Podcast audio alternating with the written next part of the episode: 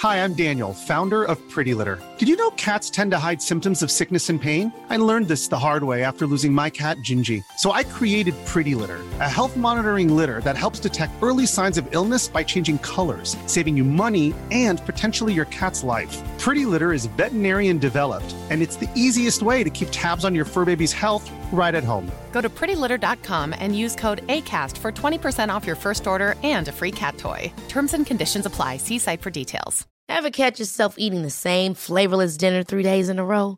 Dreaming of something better? Well, HelloFresh is your guilt free dream come true, baby. It's me, Gigi Palmer. Let's wake up those taste buds with hot, juicy pecan crusted chicken or garlic butter shrimp scampi. Mm. Hello Fresh. Stop dreaming of all the delicious possibilities and dig in at HelloFresh.com. Let's get this dinner party started. One size fits all seemed like a good idea for clothes Nice dress. Uh, it's a it's a t-shirt. until you tried it on. Same goes for your healthcare. That's why United Healthcare offers a variety of flexible, budget friendly coverage for medical, vision, dental, and more. So, whether you're between jobs, coming off a parent's plan, or even missed open enrollment, you can find the plan that fits you best. Find out more about United Healthcare coverage at uh1.com. That's uh1.com.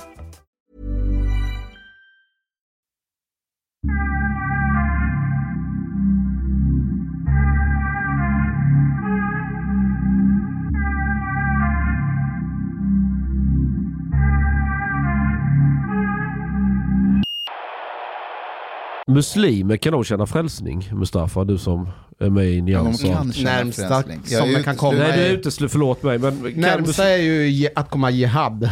Ja, här är det jihad som är. Frälsning, vad, vad, vad betyder det på engelska? Salvation.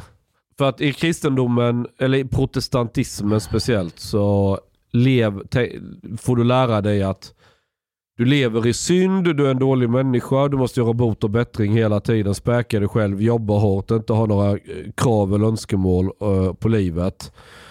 Du vet hela, den, den här biten. Men det är inte katolicism? Nej, katolicismen får du förlåtelse. Du kan gå till kyrkan och bikta dig och så är dina synder förlåtna. Så att det är en jävla skillnad. Eh, det, det finns en ganska stor skillnad mellan man kan säga så här, katolska och ortodoxa kyrkan står varandra ganska nära. Det, det är liksom det är semantik vad som skiljer. Mm. Medan den protestantiska, det är den som egentligen är mest glider ifrån. Mm. Ja. Och i den protestantiska så det är, det är nästan lite där, du ska inte tro att du är något. Nästan lite åt det hållet. Du är liksom alltid lite förtryckt. Du, du, du ska vara medveten om att du i grunden ändå är en dålig människa med fel och brister. Och, och det därför måste du bort, gottgöra det hela tiden. Och du får aldrig förlåtelse heller. Det får du i katolicismen. Mm. Eller ort- ortodoxa kyrkan för den delen om man vill. Det sa Juggen till mig, hon som Paulinas morsa raggade upp när vi var en gång och diskuterade att tänk vilken hemsk religion protestantismen är. Du får aldrig förlåtelse. Louis CK Tänk pratade när du om- ligger på, din Louis dödsbädd. Och... Louis CK pratade om det igår, men han pratade om katolicism, att att katolicism är så. Nej men där kan du bikta dig. Och då är dina synder förlåtna. Ja, ja, men är, är, att du är by default ändå Ja, en ja, syndare. Ja men så är all kristendom. Ja ja ja ja. Vi, vi är ju... Ah, det är inte inom islam faktiskt. Nej, nej i kristendom så alla, men ingen människa är fullkomlig står det i bibeln. Utan vi har fel. Jesus dog ju på korset för vår skull, för, för våra synder så att säga. Ja det började redan när Adam och Eva åt av det här äpplet eller vad det var. Då, då lev, sen dess har människan levt i synd. Mm. Det, det är liksom resonemanget. Nej, islam var inte så. På vilket sätt är inte islam så? Du är inte by default en syndare. Du kan vara a virtuous person. Det är bara, your actions are, wha- are what, uh, like, they determine if you are a bad or good person. Men ser islam mäns mänskliga kroppen som något inherently smutsigt? Ja, men Okej. because of sex. Ja, Är, se- är sex är smutsigt? Ja. Varför Va? gav, gav Gud dig en kuk då? Eh, To reproduce. För att, för att du ska vara smutsig? Varför vill vi reproducera fler smutsigheter? Ja. Det är gnostiskt arv, islam och kristendom. Det kommer från gnosticism. Att världen, det materiella, är skapat av misstag eller av en demon. Så det enda heliga du kan göra det är att ta avstånd från den fysiska världens constraint så mycket du kan. Det är därför Matrix på ett sätt är en gnostisk film. Den säger att världen som, är, som du ser den, den är skapad av en ond demon, vilket The Matrix är. Mm. Och att din, din största virtue det är att ta dig därifrån så mycket som möjligt. Mm. Och transsexualismrörelsen, den är också väldigt gnostisk. Där den säger att du föds i fel kropp. Den rejectar nature. Mm. Och säger att vad naturen har gett dig, det är något smutsigt. Du ska inte låta naturen diktera vad du är. Well, well, okay. No, no, in Islam, it's not exactly like that. In Islam, it, it's much more has to do with like uh, female sexuality much more than male sexu- or sexuality in general. Mhm. So when it comes to male sexuality, it's much very liberal. you can have sex slaves, you can have many wives. Very handy. so- oh, Very handy. and it's okay But when it comes to female sexuality because they is it's basically the female body can be used in a sense by the devil to seduce people of the righteous path. Ehm, en grej, har ni följt med den här hon som heter Sara Havanas och hon heter Sara Kullgren nu. Det, eh, hon är eh, KD-are och DN hade hittat något klipp från henne från Almedalen där hon Just pratar det. om abort. Ja, hon hade Och så- sagt fel, eller vad var det? Ja, men hon sa något om att eh, abort är typ med förintelsen eller någonting. Hon var 19 år. Hon har bett om ursäkt för det, bla bla. Men hon har skrivit någonting på Facebook nu.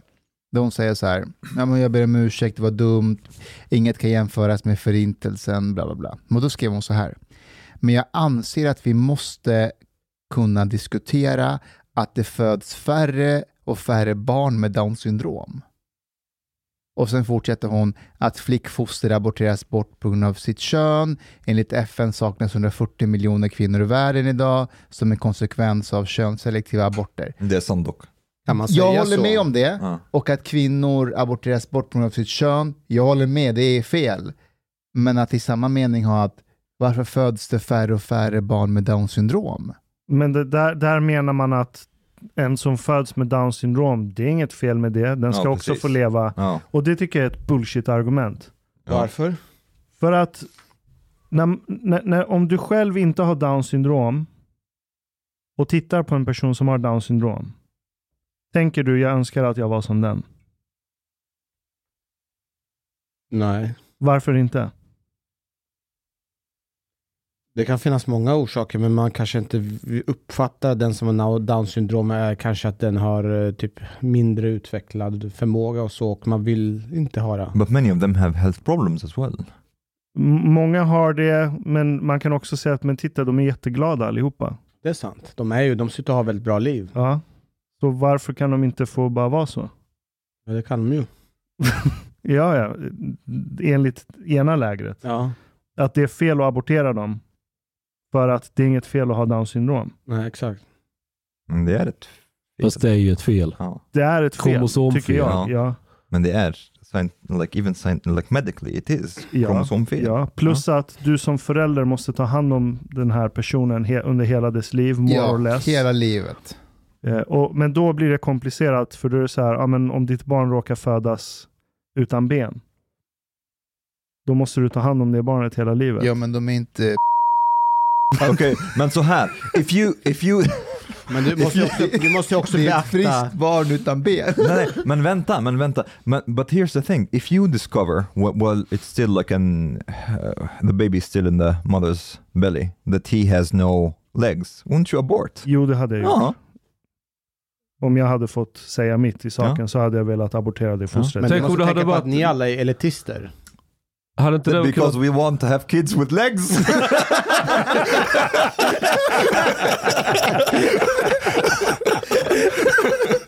jag, jag hade inte brytt mig om en sån grej.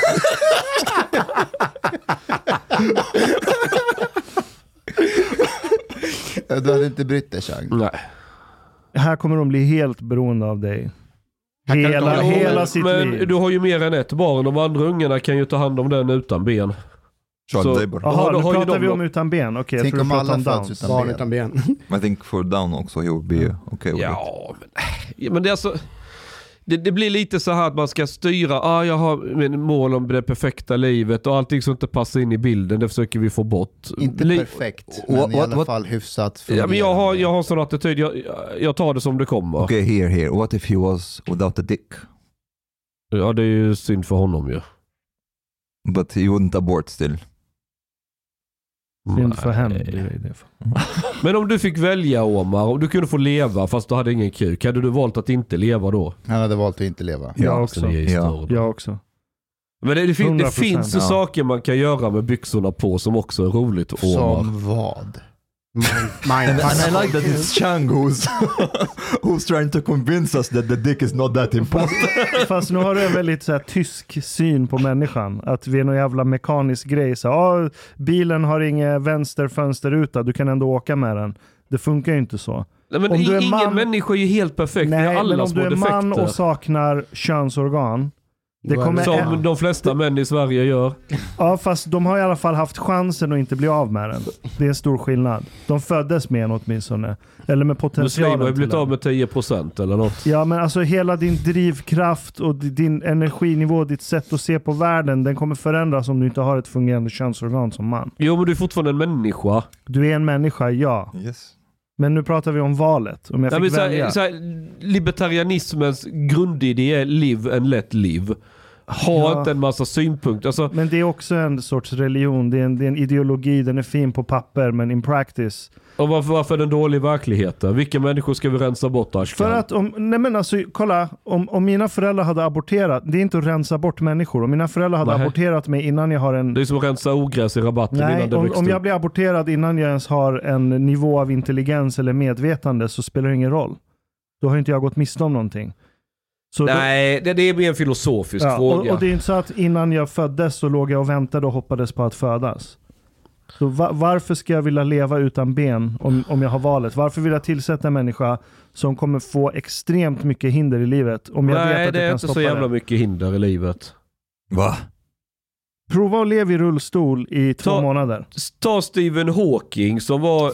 Jo men det, det är en bra grej att tänka av på. alla som sitter i den rullstols-setupen som Hawking sitter i, hur många av dem har blivit Stephen Hawking? Alltså du, du, du låter ju nu som behöver- den andra sidan när du säger att det blir problem med allt för hög invandring. Så säger de ta Zlatan. Min poäng är att om du kan ha en bara en hundradels av det liv Stephen Hawking har haft så är det värt att leva, anser jag. Mm. Även om du är ett paket i en rullstol.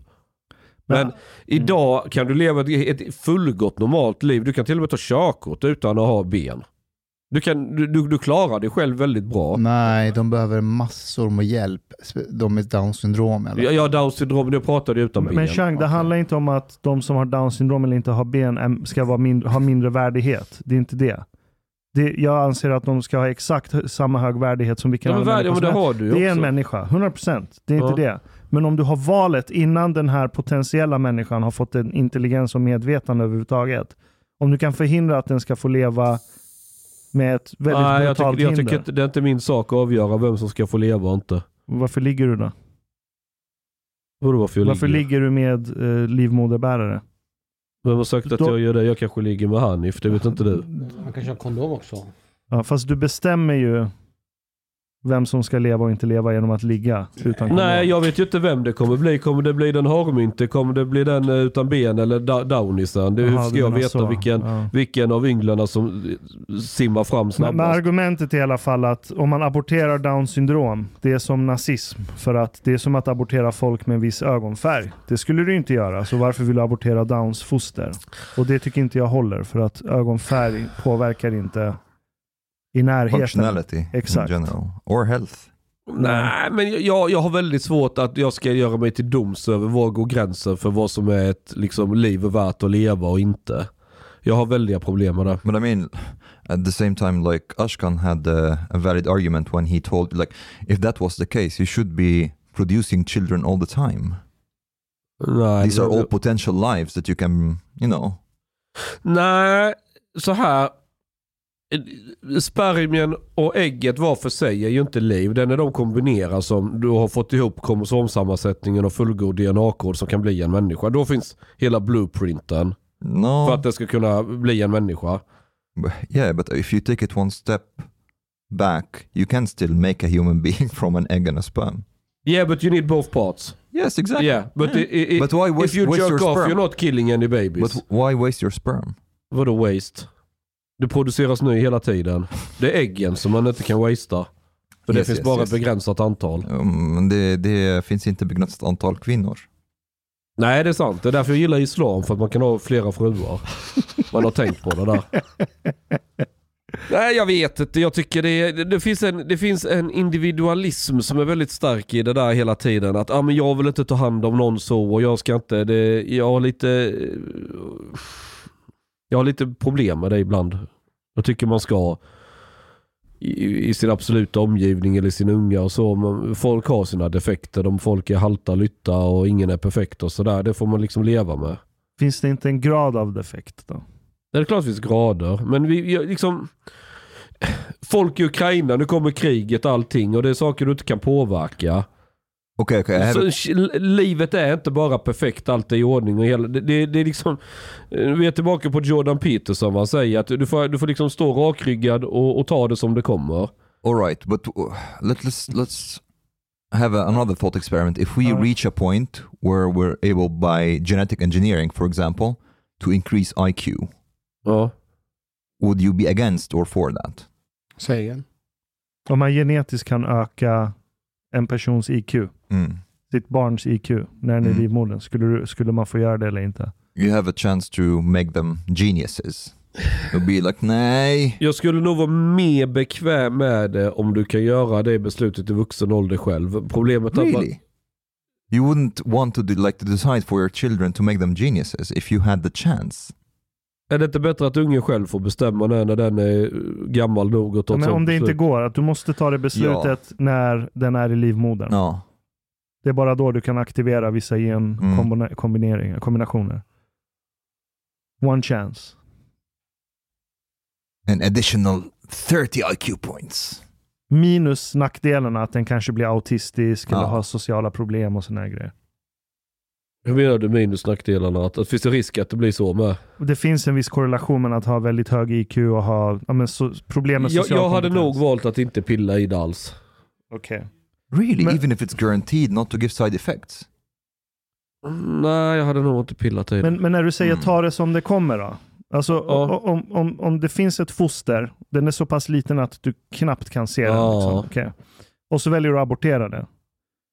Det är en sak. Det är ju inte att ta det som det kommer tycker jag. Det är av samma skäl som att du till exempel har en försäkring hemma. Du kanske har vapen hemma för att skydda din property. Varför tänker du inte jag tar det som det kommer då? Du- du har ju massa men, försäkringar. Men, du, ja, men försäk, försäkringar har Barnet har du. ju inte kommit än. Försäkringar har du ju för att kunna ta livet som det kommer. Det är därför du har försäkringar. Ja, är Om, inte om abort... hela världen var exakt perfekt då hade vi inte behövt försäkringar. Nej, och, men är inte abort då en sorts försäkring att oj, nu kom det ett barn, potentiellt barn med downs. Vilken tur att jag har den här försäkringen. Nej. Eftersom världen är inte perfekt, vilken tur att jag har abort då och kan ja, använda men det. då ser du ju en abortunge bara som en belastning och ett problem egentligen. Det är liksom, jag hade, inte, jag, hade, jag hade inte kunnat se det på det sättet. Jag ser att om, ett, om mitt barn föds med Downs syndrom så är det en belastning som inte är gynnsam. Ja, Ja, det- nej, jag, jag ser det inte så. Skulle det nu bli så skulle inte jag överge barnet. Men om jag har chansen att stoppa det så hade jag gjort det. Nej, jag hade inte gjort det. Du, du är ju bara lite, mycket, lite finare än, än oss alla andra. Nej, jag tror inte den var fin. Det, det bara... att- mm, Nej, det går emot bara. Det känns jävligt fel bara. Är det din värdegrund du går emot? Jag har ingen värdegrund. Men Men, jag alltid, det. men, men, nej, men det finns någon sån här grej att livet är bättre bland de lite skadade, halta, lytta och lite... eh, De som inte är riktigt som alla andra. Det är de människorna som är intressanta. När alla ska vara någon eh, Howard Hamlin, när allt är perfekt i minsta Men, fucking men är inte det lite survivorship bias här? Att du ser bara de som har lyckats ta sig förbi alla de här barriärerna som det innebär. Att ha en bokstavskombo eller ha någon sorts fysisk Ja men defekt. livet, li- life is a struggle. Det är det, är det som är, om, du, om du lever ditt liv där allt är perfekt och tillrättalagt och det är inga problem Nej, men eller hinder, vad är nej, det men- för liv? Fast det där säger inte jag. Jag säger inte att allt ska vara perfekt. Jag säger bara att ser inte du bara en pytteliten andel av dem som föds med halta och hit och dit. Och så tror du att det där är frukten av att födas med defekter. För du ser ju inte den som är rullstolsbunden, eh, inte kan ta sig ur sin lägenhet för att hissen är trasig eh, och sitter instängd i sin Ja, lägenhet. problemet och så ska det komma Ja, någon men- statlig ja, arbetare men- och koka soppa och Fast fiskbullar varje problemet där är ju inte att de egentligen är bundna och sitta i en rullstol. Problemet är ju att folk runt omkring skiter i dem. Det är därför de blir ensamma i lägenheten. I andra kulturer så är du inte ensam bara för att du sitter i rullstol. Det är svensk kultur som är efterbliven där. Det stämmer, men det är den miljö vi lever i nu. Ja, men... Nej, det stämmer inte heller. Inte? There's like there's a lot of like uh, developing countries that basically lock up handicapped people of of different kinds. Det är faktiskt en av de äldsta tricksen i boken. Boken om hur man håller tillbaka jämställdhetskampen. Att ifrågasätta om kvinnor både kan vara bra mammor och duktiga på sitt jobb. Att ifrågasätta om det går att eh, vara en bra, eh, bra medarbetare, en bra ledare, en bra makthavare utan att också vara en dålig mamma. Att ifrågasätta om det går att vara en bra mamma utan att också förs, försaka eh, sina arbetsuppgifter.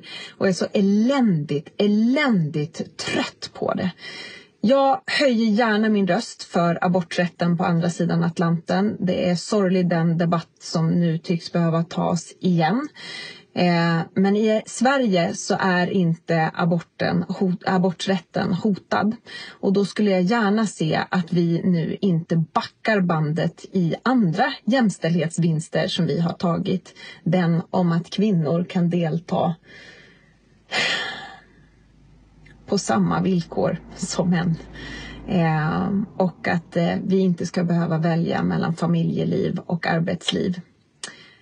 Det är en eländigt tröttsam debatt, verkligen. Eh, jag knäckte 80 timmar förra veckan tror jag. Eh, hämtade tidigt idag eh, på förskolan. Eh, varit hemma och vänt, kom precis ifrån ett, eh, ett möte på skolan.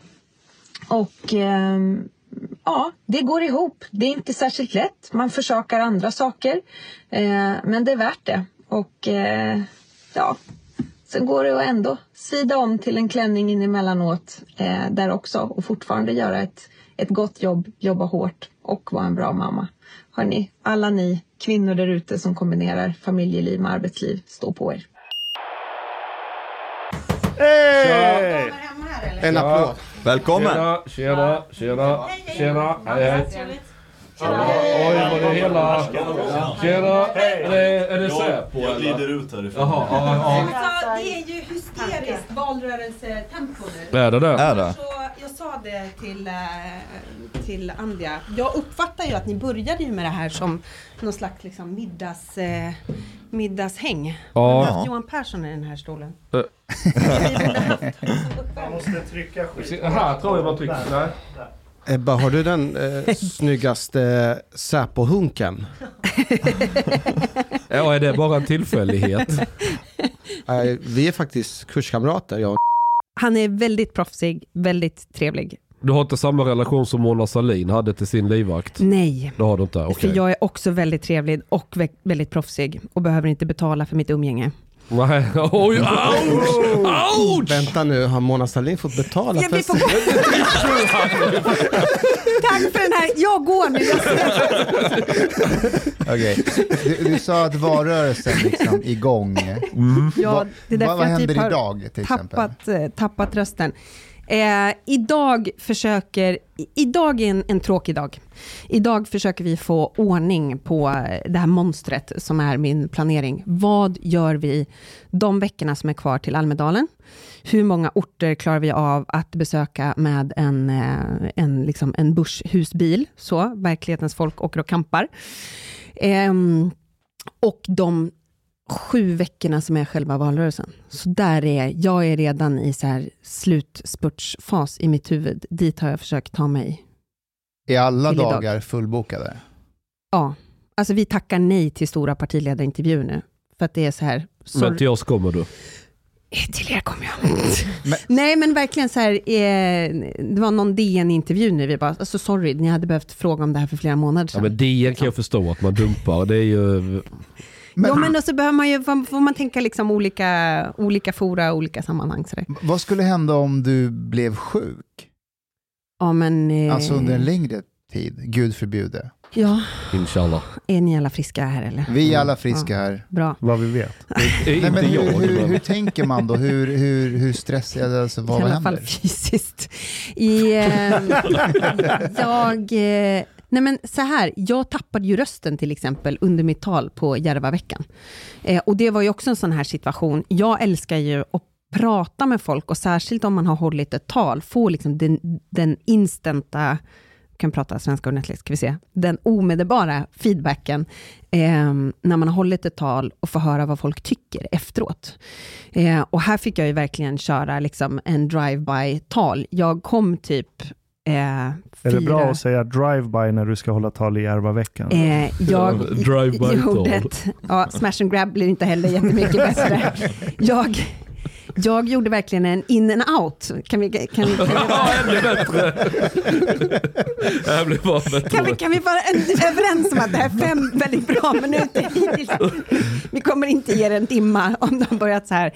Jag var där väldigt kort, så kan vi säga. Jag eh, kom dit fyra minuter innan talet och sen så gick jag direkt efter. För jag eh, kom ifrån Rotterdam, där jag hade varit med Ulf Kristersson.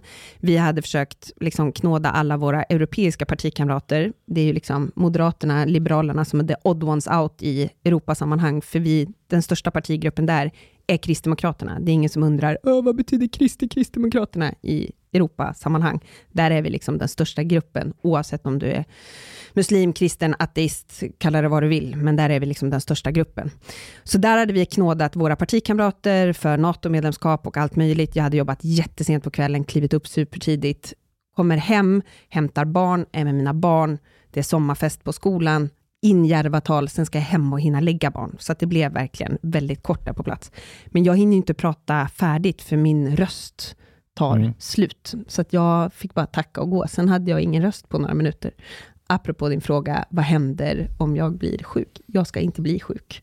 Nej. Det finns andra bra kristdemokrater som kliver in då, men det är klart att en valrörelse är väldigt sårbar för liksom en partiledare. 2019, EU-valrörelsen, jag hade 39 grader feber och halsfluss och gick på antibiotika och mådde, låg verkligen i fosterställning, isär på bilen, innan jag sen klev ut i Uppsala för att svara på 18 000 frågor om abort, med samtliga mediehus på plats. Jag höll först ett tal, det var sommarhetta, massa folk på plats, alla medier sände live och sen gjorde jag intervjuer tills det inte fanns några frågor kvar typ. Men Ebba, jag har en fråga. Mm. Varför hatar du islamister? Mm. Gillar du islamister är då frågan. Gillar koranbrännaren islamister? Nej men, eh, ett, jag tycker att det är skillnad på islam och islamism. Så, det kan man ju dividera eh, sönder om, om man, eh, om man vill, men roughly så folk ska förstå, som inte vill kanske liksom skriva en doktorsavhandling på området. Så för mig är det skillnad på att vara vanlig, hedlig, troende muslim. Deras rätt kommer jag att liksom kunna tro på det de tror, praktisera sin tro, tillbe sin Gud, kommer jag alltid att försvara. Inom vissa Eh, gränser kanske. Ja, men, jo, men om man är som sagt vanlig, hedlig, troende svensk muslim. Och jag har på många sätt ibland lättare också identifiera mig, tror jag, med en del muslimer och hur de upplever att man blir dömd på förhand bara för att man har en tro, för att jag själv har en tro. Jag har liksom varit den eleven som har stått på gymnasieskolan, helt ny på skolan med över hundra elever runt omkring mig, som verkligen har pressat mig på en lunchrast. Vad, vad ser du Gud nu? Vad tror du på Gud? Vad innebär det här?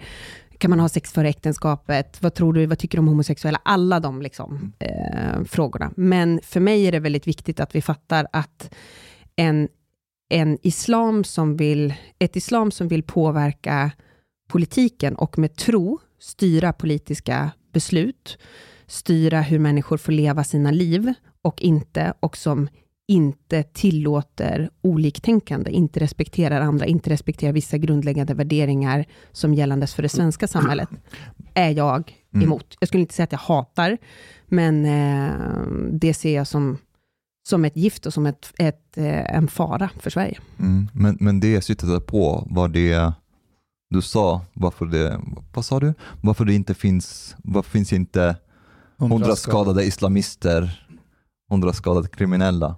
Du går, du går rakt, rakt på den heta potatisen. Nej men eh, så här, eh, för det första så behöver man bena ut, jag önskar inte att någon ska bli skadad. Det, jag ställde retoriska frågor hur vi kan hamna så snett att de som egentligen ska äga våldsmonopolet i Sverige, polisen, var de som gick ut ifrån en otroligt farlig, svår situation och var de som blev skadade och inte de som ville andra människor illa, inte våldsverkarna. Och då vet vi att en del som var på plats där hade, gjorde det med islamistiska förtecken, andra gjorde det med kriminella förtecken, andra för att de har mammor och pappor som inte har satt gränser för dem.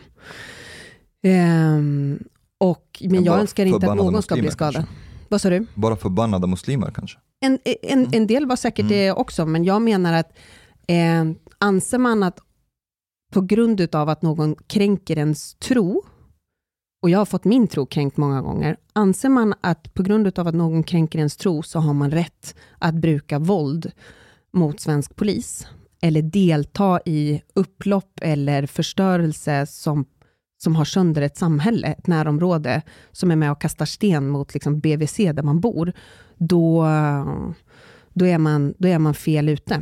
Och då är, är man kanske förbi också bara vanlig, Mm. hederlig, Men- förbannad muslim. Men, men det är också, för mig det är självklart, det du sa att det, ja, om man försöker till exempel att mörda poliser så måste polisen försvara sig själva. Mm. Men vad tyckte du om reaktionerna då?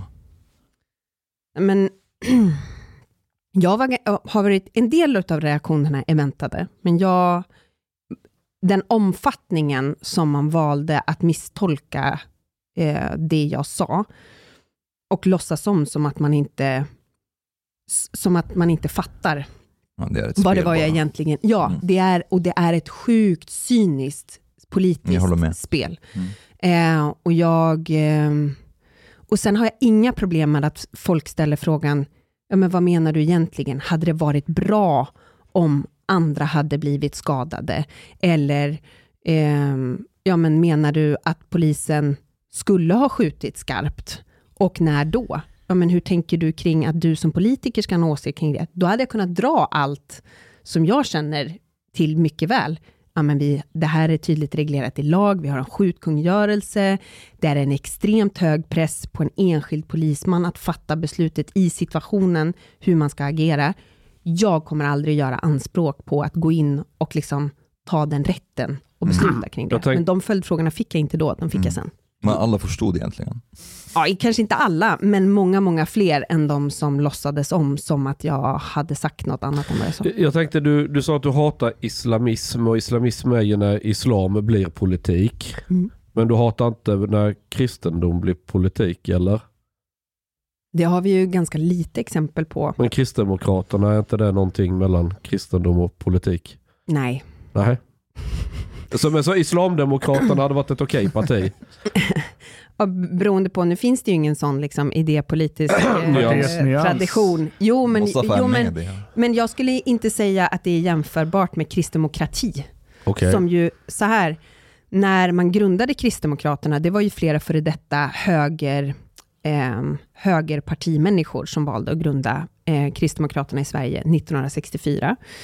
Eh, vår första partiledare var Birger Ekstedt, innan Alf Svensson blev partiledare. Och Birger Ekstedt var jättetydlig med att han ville inte att KD skulle vara ett kristet parti. Vi skulle inte vara ett religiöst parti, vi skulle inte vara en förlängning utav kyrkan. Sen har vi jättetydliga rötter till pingstkyrkan. Mm, mm. Ehm, men vi skulle inte vara ett religiöst parti. Och jag menar att Nyans har absolut liksom religiösa förtecken. Det har inte vi. Ni talar inte i tungorna på årsmöten och så i Nej, KD? men det här Nej. är ju apropå det jag sa om liksom KD i Europa. Mm. Det, finns ju inte en, det finns inte en kotte alltså Magdalena Andersson, Stefan Löfven skulle aldrig få för sig att liksom kalla eh, Angela Merkel eller, eller någon annan representant för liksom KD i Tyskland för någon slags allmänt Eh, konservativt parti eller högernationalistiskt parti eller gud vet vad hon har kallat oss, de har kallat oss genom åren. Utan där vet man att kristdemokrati är en mitten-höger ideologi som betonar mycket det sociala ansvaret. Kan du hjälpa mig förstå, eller har du en take på varför här i Sverige så smutskastar man ner för att vara ett, om jag tar det till sin extrem, så här religiöst fundamentalist eller kristet parti, medan kristdemokrater är störst i Europa. Mm. Samtidigt som de som smutskastar er har inga problem med att försvara islam. Mm. Så det är många grejer som inte går ihop här. Ja, och jag tror att det har delvis kanske att göra, alltså jag tror att det blir en jättestor så här, existentiell fråga kring eh, svenskhet, värderingar, eh, svenskens förhållande till religion, men också det som är ganska cyniskt maktspel. Man slår där det finns en svaghet. Har vi historiskt sett varit de främsta i att försvara HBT plus personers rättigheter? Svar nej. Där har vi ibland på grund av okunskap, ointresse, varit ute och cyklat. Och vi har gjort en resa, vi har ändrat oss i en del av de frågorna. Det har varit bra, det har varit rätt, det har varit nödvändigt. Jag har drivit det själv väldigt hårt. Ehm, så där finns ju liksom en förförståelse historiskt som är, som är liksom ett problem. Sen kommer man till, till ehm, och det blir ju en liksom del av ett maktspel, ehm, så att man väljer att slå på oss där. Det andra tror jag har att göra med att vi har svårt att acceptera att vår lagstiftning, vårt förhållningssätt till varandra, det som gör att Sverige är intressant att invandra till, till exempel, eh, har att göra med eh, mycket att vårt land är historiskt sett präglat utav kristendomen. Eh, och kristna värderingar. Vår lagstiftning är i allra högsta grad präglad utav det. Och det har vi svårt att liksom förhålla oss till att det är det. Det är ju fortfarande det är inte lika mycket nu, men när jag höll tal om svenska värderingar typ 20... 18. 16. 16 till och med. Jag var gravid och spydde som en kalv i Almedalen och ingen visste om att jag var gravid. Oh. Gick ut på scen till en jättestor svensk flagga och fick höra att jag var rasse och att det var sjukt obehagligt att jag hade en stor svensk flagga ehm, bakom mig då märktes ju den debatten absolut av så här, men finns det någonting som är svenskt? Går du definiera? Jo, men allt är ju bara, vi är ju påverkat av allt möjligt. Jo, absolut, men det finns ju någonting som ändå gör att du kan spotta svensken på semester. Och jag som då har dubbelt medborgarskap eh, och både är svensk och norsk, kan absolut se att det finns kulturella eh, och värderingsmässiga skillnader i bit även mellan Norge och Sverige, trots att vi ligger liksom nästgårds med varandra. Och vi har varit så sjukt obekväma med den diskussionen i Sverige. Och då har vi haft lättare att slå på och späka oss själva och vår egen historia och vår egen identitet. Det är väldigt lutherskt, är det inte? Så, ja, absolut. Eh, Medan då det, det nya har varit rädda för, så rädda för att förstå att vi då i mötet med till exempel islam inte har kunnat säga vad underbart, du är muslim, vad betyder det för dig? Hur in, vad, din tro på Allah, vad innebär det för dig i din vardag i mötet med mig? Ställa de frågorna. Tar du mig i hand, tar du mig inte i hand, varför då? Våga ha den, liksom, det åsiktsutbytet. Liksom, och det är då vi också har missat så här, jaha, du tycker att kvinnor inte ska kunna eh, få lov att gifta sig med vem de vill? Det är ett problem i Sverige. Du måste tänka annorlunda. Den typen av islam hör inte hemma i Sverige. Den här typen av islam kan absolut höra hemma i Sverige. Då har vi inte klarat av att ta den diskussionen heller tror jag. Mm. Du säger att vi klarar inte av att ta den. Ja, inte jag då. Men jag, jag tänker de flesta i Sverige håller nog med om ditt resonemang. Det är väl medierna eller den här lilla gruppen som kontrollerar megafonerna som har problem med det. Ja, absolut, men det präglar ju också vad människor känner är okej okay att prata och mm, tycka om. Och jag tror att vi, vi ehm, jag tror att vi har ett mycket större problem egentligen med jag vet inte om man ska gå så långt som att säga främlingsfientlighet, men främlingsrädsla och absolut fördomar och en del främlingsfientlighet och därmed också till syvende och sist problem med rasism. För att vi ska vara så toleranta att vi inte vågar ta de här samtalen. Vem är du? Var kommer du ifrån? Vad betyder det här för dig? Hur funkar det i din familj? Vi tänker så här. Och så möts vi inte ordentligt och det gör att väldigt många som har invandrat eller har en annan tro upplever att det är svårt att bli fullt ut en accepterad del, en samhällsbärare i Sverige. Vara folkvald politiker till exempel och troende muslim eller komma från ett annat land i största allmänhet. Eh, men vi har också gett då alldeles för stor grogrund till avarterna. Alltså hur är det möjligt att 240 000 ungdomar bedöms leva i, under hedersförtrycksliknande omständigheter i Sverige och vi vet att den siffran är antagligen låg. Så det är inte en pytteliten majoritet? Nej, verkligen inte. Ja. Hej Martin Ådahl. Ja, men, men du tycker att det finns en, någon slags värderingskrock i Sverige idag, eller? Eh, ja, absolut. Alltså, det är ju det är ett fullskaligt värderingskrig, skulle jag säga. Mm. Och det är absolut en stor anledning till att vi har tappat kontrollen över många bostadsområden. Det är inte längre svensk lag som gäller på svensk mark i många områden. Men vad ska vi göra åt det då? När det gäller värderingar? Det är den, för det första, erkänna att det är så. Jag tror inte att alla, eller jag vet att det är många av våra beslutande ministrar i Sveriges regering som inte ens erkänner att det, att det är så. Eh, när jag 2015 sa att ett av Sveriges största problem var jihadism, IS-krigare, radikalisering, då blev jag ifrågasatt av etablerade journalister. Var, var, vad är dina källor? När jag sa att det var Säpo, så trodde de inte på mig. Vi var tvungna att visa dem i pappren i Almedalen. Fick- Här, så här säger Säpo i sin rapport om problemen med rad, liksom radikala miljöer. Men vad är Säpos källor? Men, ja, men vad tänker Ja, du? men det, var, det är exakt den typen av idiotresonemang Men, man ja, men där, där tvingas ju du göra journalistens jobb. Ja, och jag skulle ju snarare önska att vi hade det omvända. Journalisterna borde jaga oss som makthavare i Säpo säger att det här är ett problem. Vad är Right. er lösning? Men om vi säger så här, du, du målar ju upp mycket problem i Sverige. Man har problem med att invandring, att möta invandrare och liksom vara tydliga med vad gäller i Sverige och de ska förstå och, och anpassa sig till landet. Utan det blir lite, ja, någon rädsla för att, jag vet inte, möta de här människorna på något sätt. Men den kritiken, är inte den egentligen mer relevant mot medier än mot Svenne Banan i radhusområdet? Ja, ah, jo, absolut. Det Eh, offentliga samtalet utgår ju från media. Det är där ängsligheten har funnits och brännmärkningen och dreven. Och det är ju en ny ledare om dig varannan timme i Aftonbladets Inte ledare. idag, jag kom Nej, inte idag. Oj, vad har hänt? Dagen är ung Mustafa, Ja. mycket kan hända Jo, men för, innan förstår du vart jag vill komma någonstans? Att det Absolut. finns ju tjattrande tykonomiklass i samhället som Jo. hela tiden ska sätta upp någon slags pekpinnar. Jo, men, och det är, ju den här, det är ju den här intoleranta toleransen, då, Mm. där vår självbild är att vi är så toleranta. Men i verkligheten så är vi inte det i Sverige. Eh, därför att eh, då har vi inte släppt upp de här, eh, då har vi inte släppt upp de här diskussionerna.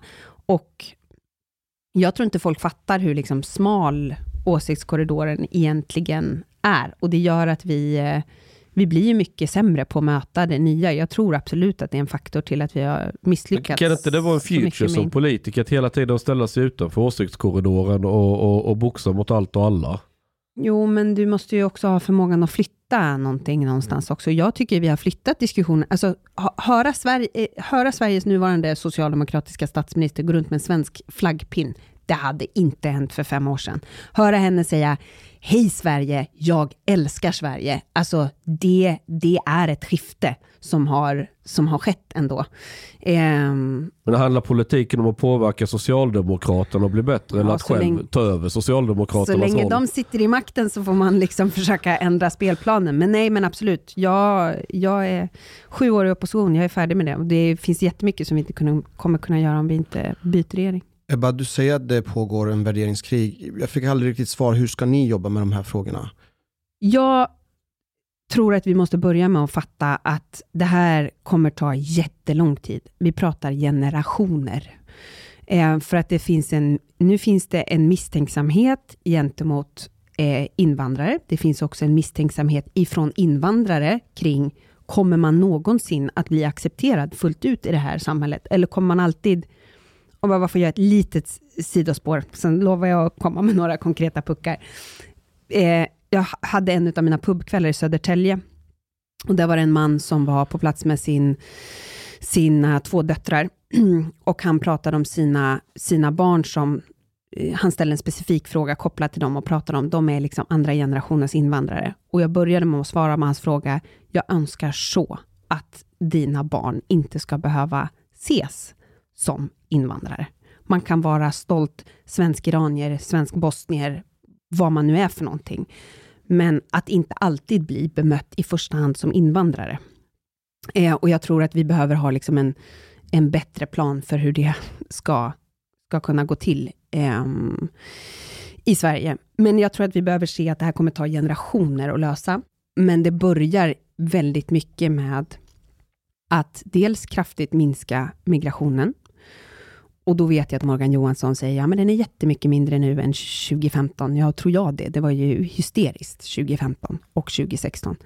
Men i jämförelse till vår befolkningsmängd, så tar fortfarande Sverige emot tre till fyra gånger så många asylsökande jämfört med Norge, Finland, Danmark.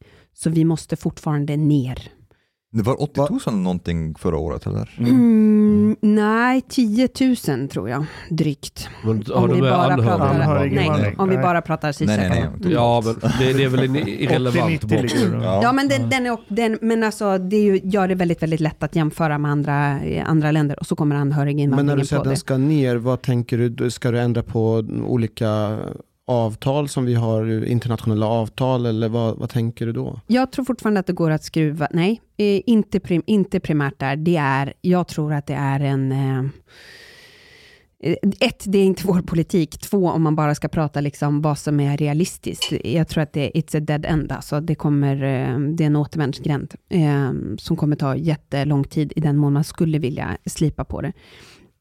Jag tror att vi måste förstå att vi har en jättestor pullfaktor till Sverige i att vi har en väldigt generös anhöriginvandring. Um, I att uh, vi är ett land som är känt för att även om man det är hyfsat lätt att ta sig hit ändå. Det är hyfsat lätt att vistas här i Sverige fast man inte har rätt till det. Även om du får avslag en gång, två gånger, tre gånger, fyra gånger. Du kan fortfarande hitta ett sätt att stanna kvar i Sverige. Eh, och det, vi har liksom ett rykte om oss som skapar en väldigt stor pullfaktor till, till Sverige. Och vi eh, drar också till oss bitvis fel typ av migration till följd av att vi upplevs vara liksom ett låt-gå-land. Vad är fel typ av migration? Arbetskraftsinvandringen kan vi prata om i, ett liksom separat, eh, i en separat del, för den behöver också stramas åt rejält. Nej, men personer som inte är beredda att anpassa sig tillräckligt mycket till de lagar, regler, normer och värderingar som gäller i Sverige.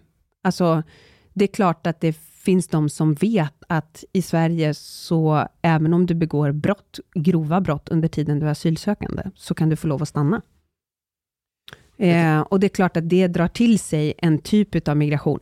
Absolut inte all migration, vill jag nu understryka. För det finns ju också Hörde de... ni det Aftonbladet ledare? inte nej, men, all. Nej, men för det finns ju också de som kommer till Sverige för att, alltså återigen, som liknande den här pappan i Södertälje som bara, vi har ju, jag, har ju, jag har ju tagit min familj hit till Sverige för att ni hade en helt annan syn än mitt hemland på kvinnor. Jag har ju kommit hit till Sverige för att mina döttrar skulle få mycket, mycket bättre förutsättningar att plugga till vad de vill, att jobba med vad de vill, att älska den de vill, att kunna liksom bygga en annan framtid för sina barn i sin tur.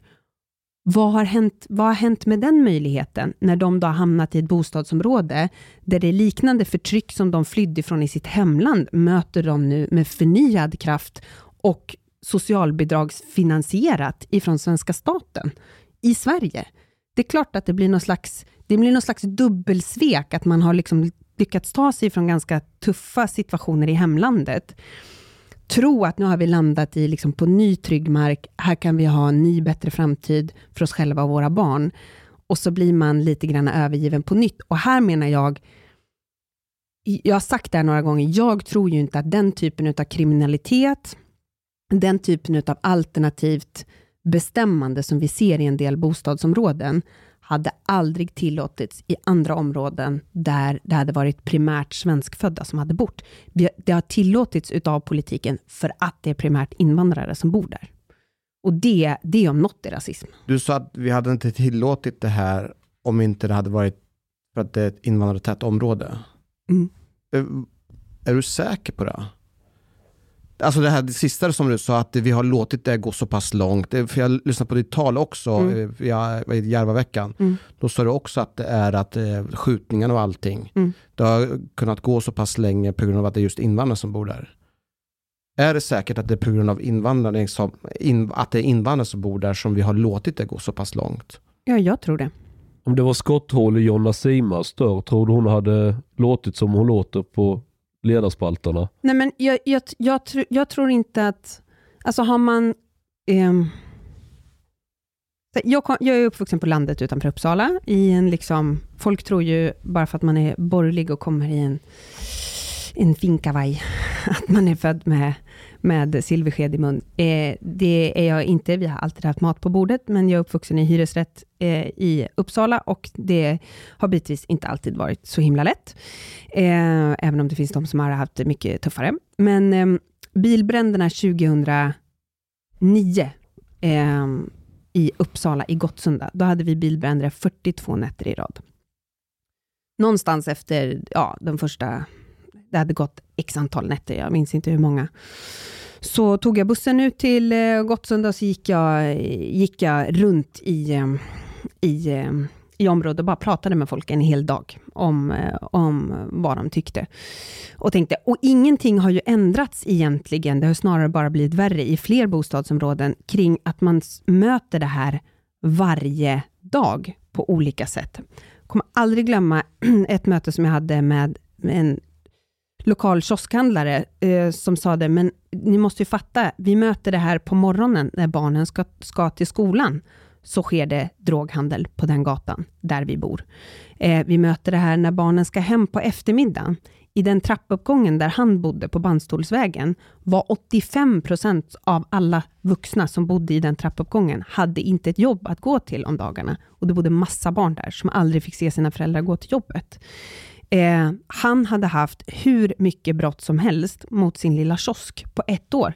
Han sa, ni har ju helt övergivit oss. Var är ni någonstans? Det är ingen idé för mig att anmäla, för det läggs ner omedelbart. Och så ser det ut i hela landet eh, för övrigt. Ja, och det har blivit så i mycket, mycket större utsträckning, Mm. men det är fortfarande så att, att ehm, det är inte på samma sätt om du bor i till exempel den orten som jag bor i på landet utanför Uppsala, eller om du bor i centrala Uppsala, eller om du bor i centrala Stockholm, att du möter den här kriminaliteten där det verkligen är någon annan som har tagit över din lokala matbutik till exempel och bedriver alternativ verksamhet i dina hyllor.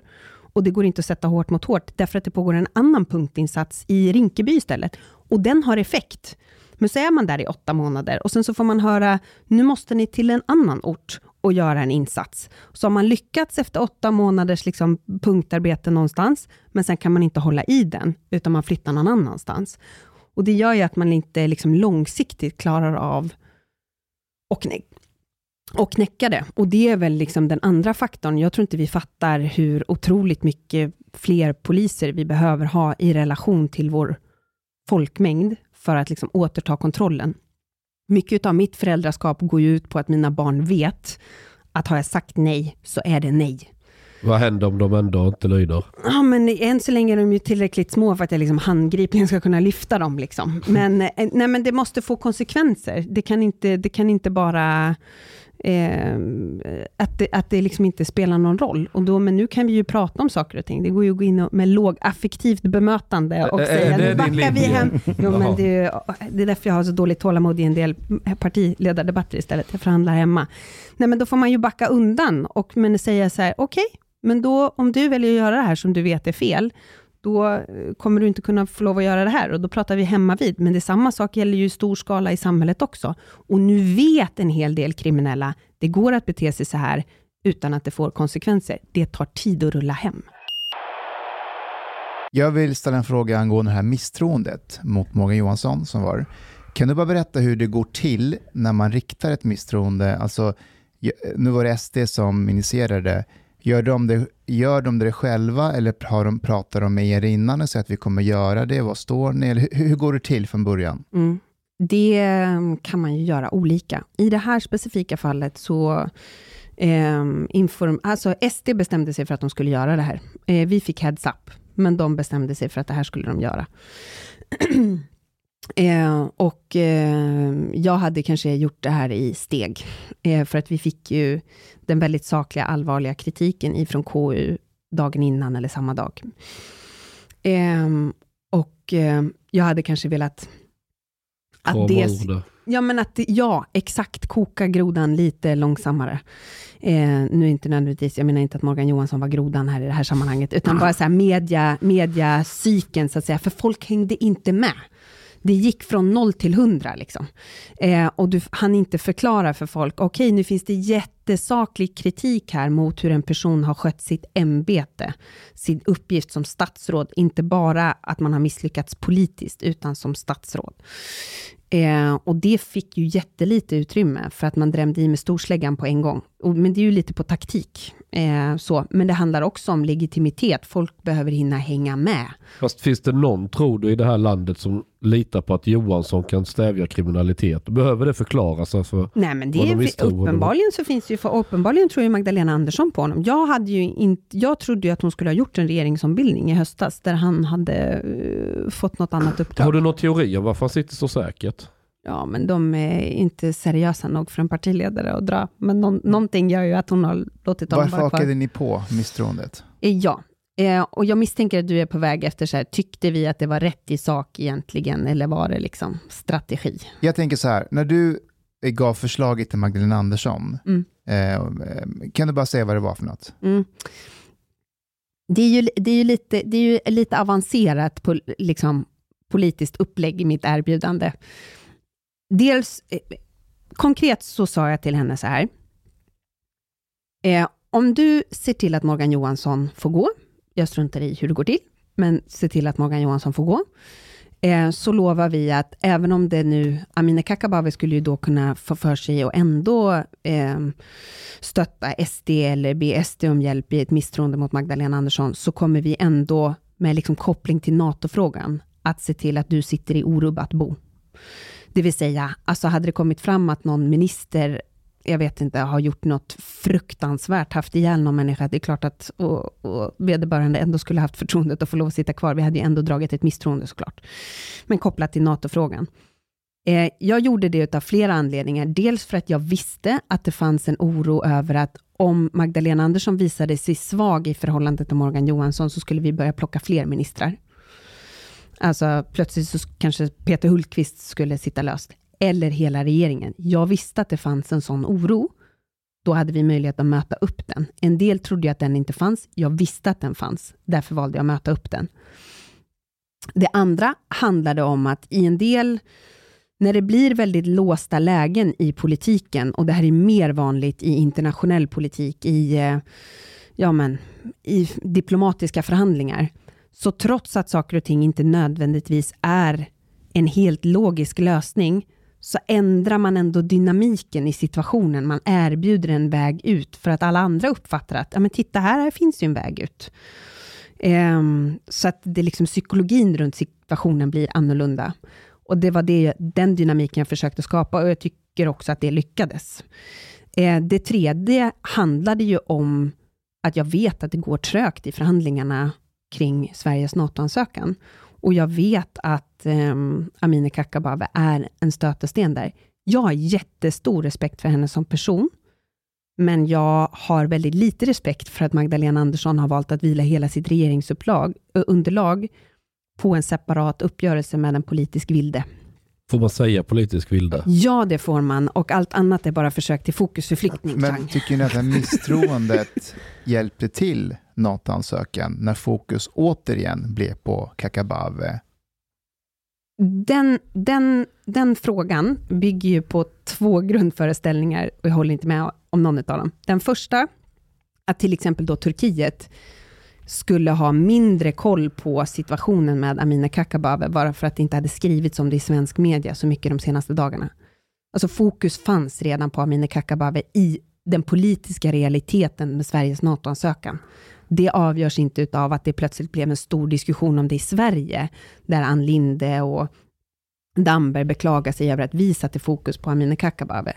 Det fokuset fanns redan i den faktiska realiteten som gäller Sveriges NATO-ansökan.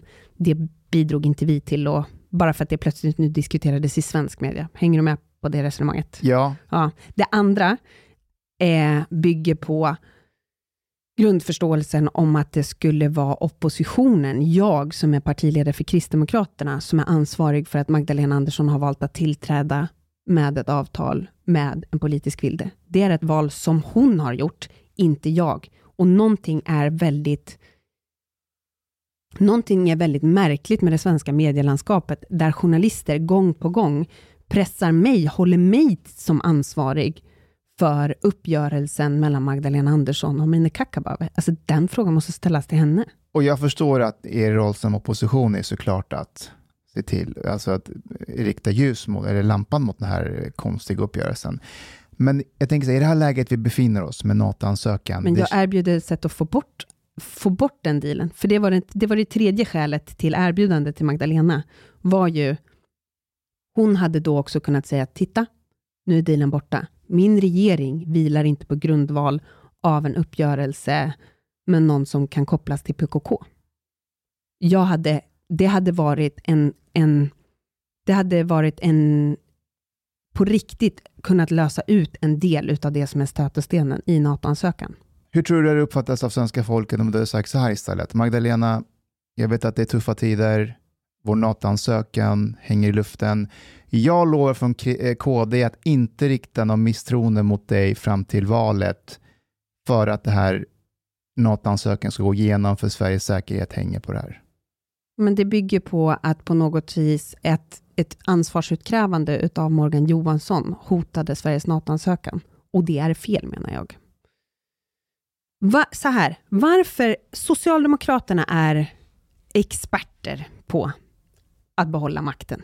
Alltså jag har verkligen, jag är djupt imponerad över att man har lyckats sitta kvar. Alltså på riktigt, de har ju navigerat genom helt eländiga farvatten och ändå lyckats sitta kvar. Det är ändå... Eh, respekt. Ja, det är värt sin märkliga respekt, helt klart. Varför skulle Magdalena Andersson på något vis försätta sig i ett läge där hon lämnar ifrån sig makten och säga nej, om ni eh, plockar Morgan Johansson, då avgår jag. Det är klart att hon inte hade tänkt avgå, men hon förutsåg, hon, hon, hon trodde att vi skulle vara liksom, nu ska vi hitta något bra icke-engelskt ord här, att vi skulle eh, vara fegisar och inte syna hennes bluff. Det var därför hon gick all in och hotade med att avgå, för att det var ett förhandlingstaktik gentemot Amineh Kakabaveh. Att vi hotade med misstroende mot Morgan Johansson, eller drog ett misstroende mot Morgan Johansson, eh, det hade varit fullt möjligt för Amineh Kakabaveh att stötta det. Då hade hon bara inom citationstecken fällt en justitieminister. Det hade Amineh Kakabaveh kunnat leva med. Och så hade hon kunnat försöka förhandla lite mer i den situationen. När Magdalena Andersson sa, då avgår hela regeringen. Då satte hon fullt tryck på Amineh Kakabaveh och säga så här, ska du verkligen vara ansvarig för att hela den här regeringen tvingas gå? Och jag är, det var ju också det som gjorde att de lyckades få henne till slut att bara lägga ner sin mm. röst. Okay, och allt det här taktiksnacket är ju jättespännande om man vill följa politiken och insatt. Men hur tror du att hela det här, nu är det över, hur har det uppfattats av, av, av, svenska folket? Nej, men jag tror inte att, på det stora hela tror jag inte att det har varit eh, positivt egentligen för, för någon. För att sakdiskussionen har ju, har ju försvunnit. Men jag skulle säga alternativet då, är att vi skulle ha förklarat, nej men vi tycker att Morgan Johansson ska sitta kvar. Vi tycker inte att han har misskött sig, vare sig politiskt eller i sitt ämbete som statsråd. Alltså, ett, jag tycker inte så. Jag tycker Nej, att han har misskött sig. Det är mindre än 100 dagar kvar till valet. Då får ju ni byta ut regeringen under de här 100 dagarna. Vad ska han göra under, under 100 dagar? Ja, mindre dåliga beslut. Ebba, eh, jag vill gå tillbaka till kriminaliteten. Och vi vet att det finns en eh, enorm polisbrist och det är inte bara brist på antal poliser, det är också vad de lägger ner sin tid på. Eh, en stor del av den tiden går åt på att jaga människor som är helt hederliga medborgare men som kanske röker lite cannabis då och då istället för att gå ut och supa. Eh, och Ska vi prata knark nu? Ja, det är dit vi är på ja. väg. Och, och vi vet att en, en, stor del av gängkriminaliteten finansieras av cannabis. Eh, varför kan inte högerblocket gå ihop och säga att kriget mot knark har inte funkat. Eh, den av kristna värderingar arvet vetenskaplig metod har visat att det här inte kommer att funka. Och det här förstör mer än det hjälper människor som behöver vård. Varför kan vi inte, inte avkriminalisera, varför kan vi inte legalisera det, skatta skiten ur det, ta skattevinsterna för att erbjuda vård och öka polislönerna. Vilket knark pratar vi om? Vilket Om vi bara knark håller oss till du cannabis. hålla på med Cannabis. lagligt? Och vi säger bara cannabis. Vi Ja. börjar där. För den vet vi, i templet, du vet. mindre skadlig än alkohol etc, etc. Vi börjar med den. Det är light, the light stuff. Men Jag tror det alltså- skulle finnas ett brett folkligt stöd för det om väldigt, högerblocket. Nu eh, sitter han inte här i tjänsten, man är ju sugen att fråga polisen om det är cannabiset som är problemet. Det är en väldigt stor del av försäljningen. Ja, det är den vanligaste drogen som Den används i omsätter Sverige. upp till 9 miljarder i Sverige. Vad skulle Förmodligen Jesus säga? mer. Förmodligen mer. Men vad är din lösning för kokainet då? Eh, Nej men vi håller oss bara till cannabis. Jo, men vart är du på väg någonstans? Slutande Jag är planet på och så väg vidare. till eh, avkriminalisering av alla substanser, men Ja. att vi legaliserar cannabis så att vi kan få in skattepengar på det. För att bevisligen funkar inte kriget mot knark. Den har inte funkat i USA, den har inte funkat i en mängd europeiska länder, den har inte fungerat någonstans. Ja, nu är vi ju inte Colombia, det är liksom Men inte FARC-gerillan som härjar i Sverige än. Nej, Ja, men, men- vi är på väg dit. Jo, ja, men, alltså, men jag skulle säga så här, Sverige har inte ett krig mot knarket. Har vi kan man, Vad- vad nej, finansierar nej, förorten? alltså, nej. Vem, vem är det som möter knarket vid, vid svensk gräns? Det är tullen. Nej, det Vad- finns ett inrikeskrig mot knarket. Ja, vi vi men hur- fängslar och jagar människor som har spårmängder av cannabis. Ja, men om vi, om vi börjar med liksom det, det stora införseln till landet. Jag menar att vi har inte ett krig mot knarket i Sverige, för vi har alldeles för öppna gränser. Och de som, de som då ska göra tillslaget mot till exempel ja, men en stor lastbilstransport till exempel. Mm. Och så har du ganska mycket knark i den, så det är värd väldigt mycket. Det är då två tulltjänstemän som står där. De ska då ringa dit polis. De bär inte vapen. De får inte bära vapen. För vänta, nu, De blir det, ska nu ring- blir det fokusförflyttning här. För nu, Nej. nu, nu kör du politisk vilda på mig. okej? nej. Jo, okej, nu, nu du Vänta dig. tills jag plockar fram min politiska vilda sida. Den är, den är, Den jag vill vi sit- se. Du har- Jag okej, sitter väldigt vi, vi begränsad struntar och i fin min och be- benämning kriget mot narkotika. Min, min i det. poäng är att Ja. vi, vi, vi bekämpar inte narkotika på Varför riktigt ska vi i hålla det Sverige. För att vi illegalt? har inte gett vare sig tullen eller svensk polis eller kustbevakning Okej. de resurser Varför som behövs. ska vi hålla det illegalt när vi vet att ingen hjälps av att det hålls illegalt? Det en, de enda som hjälps är de gängkriminella. Polisen spenderar enorma resurser på att jaga cannabisrökare som sitter och kollar på Family Guy och käkar mac and cheese när De de, har borde jobba. mycket mer viktigare De saker att borde göra. jobba. Nu, nu gör är de. det de. protestantista, eller Luther, Luther, Nej men, Luthers nej, men, så, katekeser. nej men så här, jag tror säkert att det kommer komma liksom en diskussion kring cannabis kanske i Sverige de kommande tio åren. Vi kommer inte att vara drivande i det. Jag tycker att det är fel ände. Jag tycker att det är fokusförflyttning. Men de stora problem som vi har med kriminalitet i Sverige, att då börja i Som änden finansieras av cannabis. Jo, men och då börja i änden och säga, istället för att säga stryp knarkinförseln vid gränsen, eh, gör det möjligt med mycket av de verktyg som annan polis har i andra länder, ge dem till svensk polis, se till att de får 10 000 fler kollegor och liksom bättre förutsättningar att faktiskt överleva ut på fältet. Istället för att börja i den änden, så börjar man i änden så här, låt oss börja legalisera saker. Varför tror du Tyskland har gjort det? Ja, delvis för att de De har... är De är kristdemokratiska. Men jag har inte sagt att Angela Merkel hade rätt i allt. Nej. Ebba, vad är din erfarenhet av cannabis? Har du testat? Svar nej. Vill du testa? Har du testat några droger? Nej. Va? Ingenting? nej. Alkohol har du väl druckit? Absolut. Ja, det är en Okej, rad. men eh, Ebba? Jag röker cigarrer. Det Ja. är liksom Ebba röker Det är det. cigarr. Dricker du whisky med? Konjak. Konjak. Du är lite punschveranda sådär. Blev man punschveranda för att man dricker konjak det blir, istället för det blir whisky? konservativt, sitta i biblioteket och låtsas man är allmänbildad. eller Okej, något. Ja, men Jag sitter på trappen efter att jag nattat Jaha, mina barn en fredag. ska trossamfund få statsbidrag? Eh, ja, men inte vilka trossamfund som helst och inte till vad som helst. Men vad får jag? Ja, men eh, till exempel ehm, Frälsningsarmén bedriver fantastiskt arbete med hemlösa. Många av de allra mest utsatta som övriga samhället inte klarar av att fånga upp. Eh, Klara kyrka i Stockholm till exempel, som eh, Ja, jag har sett deras arbete på nära håll på olika sätt och som ett tag på grund av en teknikalitet inte ens fick lov att ha hemlösa i sin kyrka på natten här i vintras.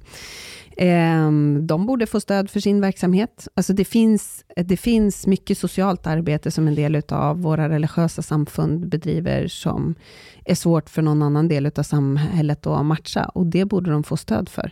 Och, men det är det här jag menar, här blir svensken så feg då, alltså, eller det svenska beslutsfattandet. Ja, men skilj på dålig och bra religion.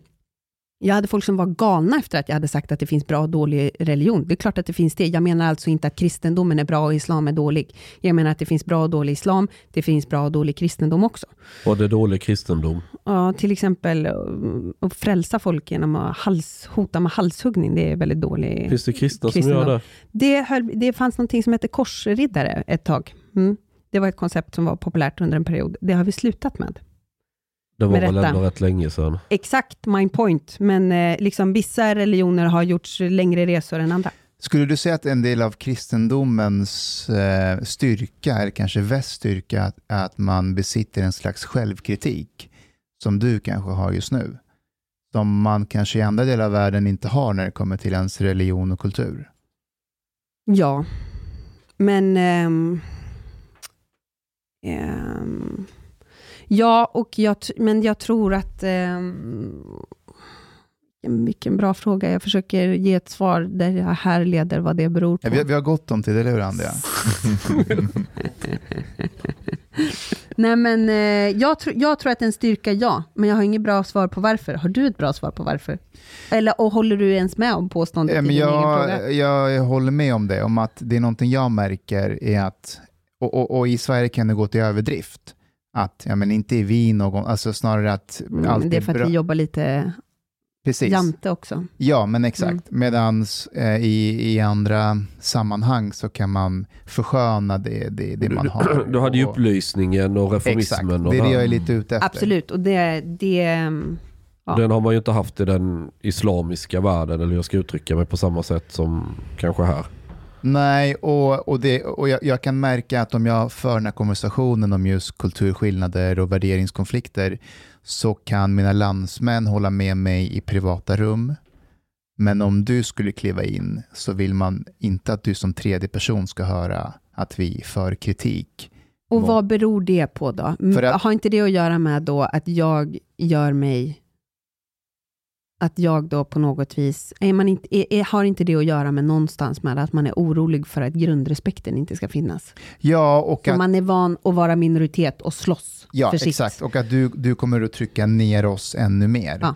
Medan så funkar det ju inte i svenska rum. Där pratar man gärna om, eh, om det som är, som är dåligt eller eh, inte funkar och sådär. Det, det ser man inte som problem alltid nödvändigtvis. Men är det för att man är i en slags majoritetsdominansposition. Men jag, jag tror ju att om man ska prata brygga, bygga broar och möjlighet att överbrygga det här, så behöver vi ju hitta en dubbelhet i att det behöver finnas en större ödmjukhet inför, okej, islam i Sverige behöver göra en resa. Man behöver hitta sitt sätt att liksom anpassa sig till, visa större ödmjukhet inför att vi har kanske inte alltid landat rätt, och särskilt inte i den här kontexten som vi ska kunna operera i nu, eller leva i. Eh, men också ifrån andra sidan, att skapa en större trygghet i att vi kommer att visa respekt eh, för dig och din tro. Och jag uppfattar att bilden med rätta är att vi är, liksom, vi är rädda för människor som tror på någonting i Sverige. Vi har svårt att förhålla oss till det och då går garden, då går garden omedelbart upp. Då vill man inte visa den typen av ödmjukhet eller förmåga till liksom resonemang och nyanser, för man, man förutsätter att man kommer behöva gå i full försvarsställning från början ändå. Då vill man inte ge ett lillfinger. Liksom. Ebba, jag har en fråga till dig. Du är så Eh, tålmodig. det? Jag följer dig på sociala medier, framförallt på Instagram. Och du ser oftast väldigt glad ut och jättemycket energi. Men jag, har- vid ett tillfälle reagerade jag på. Eh, det var någon kväll, hade, det var någon eh, från Aftonbladet som hade skrivit en eh, ledare. Som jag vill minnas att du blev rätt så ledsen över. Det handlade om Lena Melins ledare. Ja, Hon skrev den den det. 5 maj. Just det. Och det är så nyss. vill du, vill du, för det där tog du illa vid dig, eller? Ja, men, och, men hon var inne på och hade synpunkter på min mammaroll och att jag var småbarnsförälder. Hjälp mig att minnas. Jag kan läsa så här. När det gäller Ebba Busch handlar det snarare om prioriteringar. Hon är partiledare och ensamstående med två yngre barn. Hon har med andra ord ont om tid. Är det Elgalor med specialdesignade kläder som hon ska prioritera? Bush bestämmer självklart vad hon själv vill lägga sin tid på. Men det underliggande budskapet till väljarna är ändå att det kanske inte är roligt att vara partiledare. Det är skojigare att vara, ha på sig klänningar och gå på fester. Mm. Och det där tog du väldigt illa vid dig, eller? Jo, men alltså, ett, det finns ju några, det finns ju några klassiska knep för att, of, ofta då praktiserade utav, enligt liksom i alla fall, eh, ja, någon slags eh, feministisk diskurs, eh, sätt att liksom förminska eh, kvinnor på. Antingen att fula ut dem som eh, ja, men dumma blondiner, det är liksom eh, man, att man är ytlig, att man är liksom blond eh, bimbo. Eh, så, den har jag också eh, testat på några gånger och fått kastad på mig. Eller att eh, eh, man är hysterisk att man är liksom känslostyrd eh, och inte klarar av ett rationellt beslutsfattande. Kvinnor är alldeles för känslomässiga för att vara beslutsfattare. Eh, och det tredje och kanske värsta, finns säkert fler, men det här tycker jag är de mest vanliga i alla fall, eh, det är ju att man är en dålig mamma. Mm. Och det är ju, alltså, eh, jag tycker ju, jag har ju mött det här en del ifrån män, men mest faktiskt ifrån kvinnor. Eh, och jag, det är 2022, 2015 när det diskuterades, Göran Hägglund hade avgått, det diskuterades vilka som skulle kunna vara möjliga kandidater till att bli partiledare efter Göran Hägglund. Då satt alltså politiska kommentatorer i tv och sa så här, ja, ah, sen har vi bla bla bla, vi har bla bla bla, sen har vi den här personen, sen har vi också Ebba Busch, eh, men hon är gravid så att eh, hon är inte aktuell. Sen har vi den här personen, bla bla bla. Alltså man, man räknade bort mig för att jag var gravid i svensk public service utan att tänka på det. Utan att ens fundera på så här, det här kanske är ett beslut som hon själv kommer att behöva ta. Eh, och så 2022, sju år senare, så kan man då fortfarande få den här typen av känga, att man på något vis skulle eh, vara en, en dålig mamma. Och att man också inte, det är ju som en del utav eh, oss partiledare, och politiker som är mer aktiva på sociala medier, har blivit kallade för liksom semi-influencers, eller ja, sen håller de på med sina Instagrams och så här. Ja, men vi gör ju som många andra kvinnor gör. Vi gör det också. Det är inte så att jag inte gör en skuggstatsbudget. Det är inte så att jag inte går fram med motioner och andra alternativ i kammaren, men jag gör en Olof Palme. Jag tar politiken där människorna är och människor är i sociala medier också, så jag gör pubkvällar, jag gör torgmöten, jag gör presskonferenser, men jag finns också i sociala medier och jag finns också i sociala med sammanhang som Elgalan, Men jag- jag min inbjudan blir tillbakadragen. Kan det vara så enkelt? För både Aftonbladet, ETC och ibland DN med attackerar dig hejdlöst tid som annan. Och det är framförallt kvinnor som gör det har jag noterat. Kan det bero på så enkelt som att de är sura för att du är snyggare än vad de är? Men jag, jag, jag, tror inte att det är, jag tror inte att det är så enkelt. Och sen är det också så här, jag är sjukt obekväm med att prata om hur jag ser ut. Jag har liksom varit mobbad för hur jag såg ut. Alltså, Va? nej, Jo, men jag har fått höra, dels har jag fått under hela min uppväxt fått höra att jag eh, inte ser svensk ut, i en väldigt negativ bemärkelse då, inte sett som någonting positivt. Eh, apropå att jag liksom blev kallad för rysk postorderbrud här online, såg jag i något sammanhang. Ehm, och... Eh, Ryska eh, brudar är ju snygga. Ja, visst. Nej, men eh, eh, så. Och jag eh, har fått höra att jag ser konstig ut, att jag har konstiga tjocka kinder, att jag har en, en krokig näsa. Alltså, jag har fått höra alla möjliga saker när jag eh, växte upp. Och jag var alltid alldeles för lång och sen var jag för stor och alltså allt möjligt. Jag bestämde mig ganska tidigt för att jag och jag hade några, några äldre tjejer som var så otroligt, otroligt bra när jag var typ 15 år och led jättemycket av det här. Eh, som bara sa, men du behöver inte vara ditt utseende. Du kan ju vara, du kan ju vara någonting annat. Jag Du behöver, inte, du behöver inte fundera på om du hör hemma bland de snygga tjejerna, Men- men inte- eller, eller de söta tjejerna, eller de korta tjejerna, eller vad det är för någonting, utan bara var något annat. Mm, Bestäm att du är något annat än ditt långa blonda hår. Jo, primärt, jo men, liksom. men allt det du nämner, inte det bara avundsjuka. Jag har ju inte träffat en enda kille som har något uns av testosteron i kroppen. Som, tycker att, in, som inte tycker att du är attraktiv. Vem man än pratar om, de pratar politik och så Ebba. då är det liksom, det men det kan ju då också landa i att, eh, att man, tänker, man liksom tänker liggbarhet istället för att tänka, är det här bra eller dålig politik för landet? Och så visas man inte respekt. Alltså, Och ta, ta hon diskuterar man Sanna Marin i Finland som är policy. jättepopulär. Det är samma där. Alltså det, det går ju ofta hand i hand med kvinnliga ledare att de är, okej kanske inte Angela Merkel, men ta eh, Finland. Alltså, så är diskussionen på nätet och när jag pratar med folk, tycker vad man Du är vill om inne på den. farlig mark nu. Så. Ja men det är ju det här som skapar content. Okej, men Ebba? Nej men, nej, men jag, jag, tror bara, jag, jag tror bara att man kan hitta allt möjligt. Det är klart att det finns, det är förtroendesänkande om du kan utmåla någon som ytlig.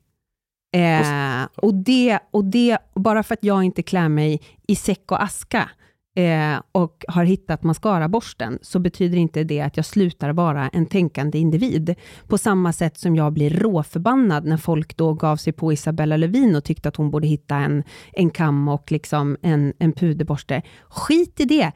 Vill du ha en komplimang? Ge mig en komplimang. Jag tackar och tar emot den. Jag kommer inte känna mig förminskad eh, för det. Men försöker man liksom vara någon lite kärrig kommentator någonstans och på något vis få det att låta som att för att jag har då långt blont fluffigt hår eh, så kan jag, är jag plötsligt inte kapabel att fatta liksom bra politiska beslut. Då är vi, det är, det är en sjukt dålig låg nivå och vi har liksom haft nog av det Jag ska i bara Sverige tillägga tidigare. jag har suttit med riksdagsledamöter för Vänsterpartiet som tyckte att den texten var vidrig av Lena Melin. Så, Och det ska jag säga, det har ändrats. Jag upplevde att Ja. det var väldigt svårt att få stöd ifrån vänsterfeminister förut. Nu känner jag att det är mycket, mycket lättare. Birgitta Olsson var en av få personer som försvarade mig våren 2015, då när jag skulle kandidera och var gravid till partiledare. Nu har vi liksom, jag har haft stöd av Amanda Lind, Märta Stenevi, Linda Snäcker. Alltså, där har det på något vis hänt någonting i någon slags ny generations feminism, systerskap, som jag uppskattar ja, väldigt jag har mycket. inte sett någon seriös person i svensk offentlighet som, som har försvarat den texten och andra texter som har kommenterat ditt utseende. Och det, och det är jätte... Jag tror ju att det kommer att komma ett skifte förr, förr, förr eller senare. Sen är det ju så här, mitt problem är ju inte att det skrivs egentligen. Mitt problem är att det uppenbarligen tycks någonstans. Eller som när vi var uppe på 13 procent i maj 2019 och jag fick höra att det var för att jag var en schamporeklam på Slättklacka. Liksom. Ja, det var jag väl innan också i sådana fall. Hej på dig, min vän. Lyssna på mig nu. Du är mycket fin människa. Du har betalat biljett på klubbista måltid. En mycket fin radioprogram i Sverige. Tack vare dig så är det möjligt för grabbarna att köpa kaffe latte ute på torget. Betalar kningar. Köpa blodpudding till familjen. Åka tunnelbana. Eller dricka en kall Norrlands guld på uteservering, ibland. Dit bidrag gör grabbarna mycket glada. Dit stot gör sista måltid möjlig, helt enkelt. Tack, min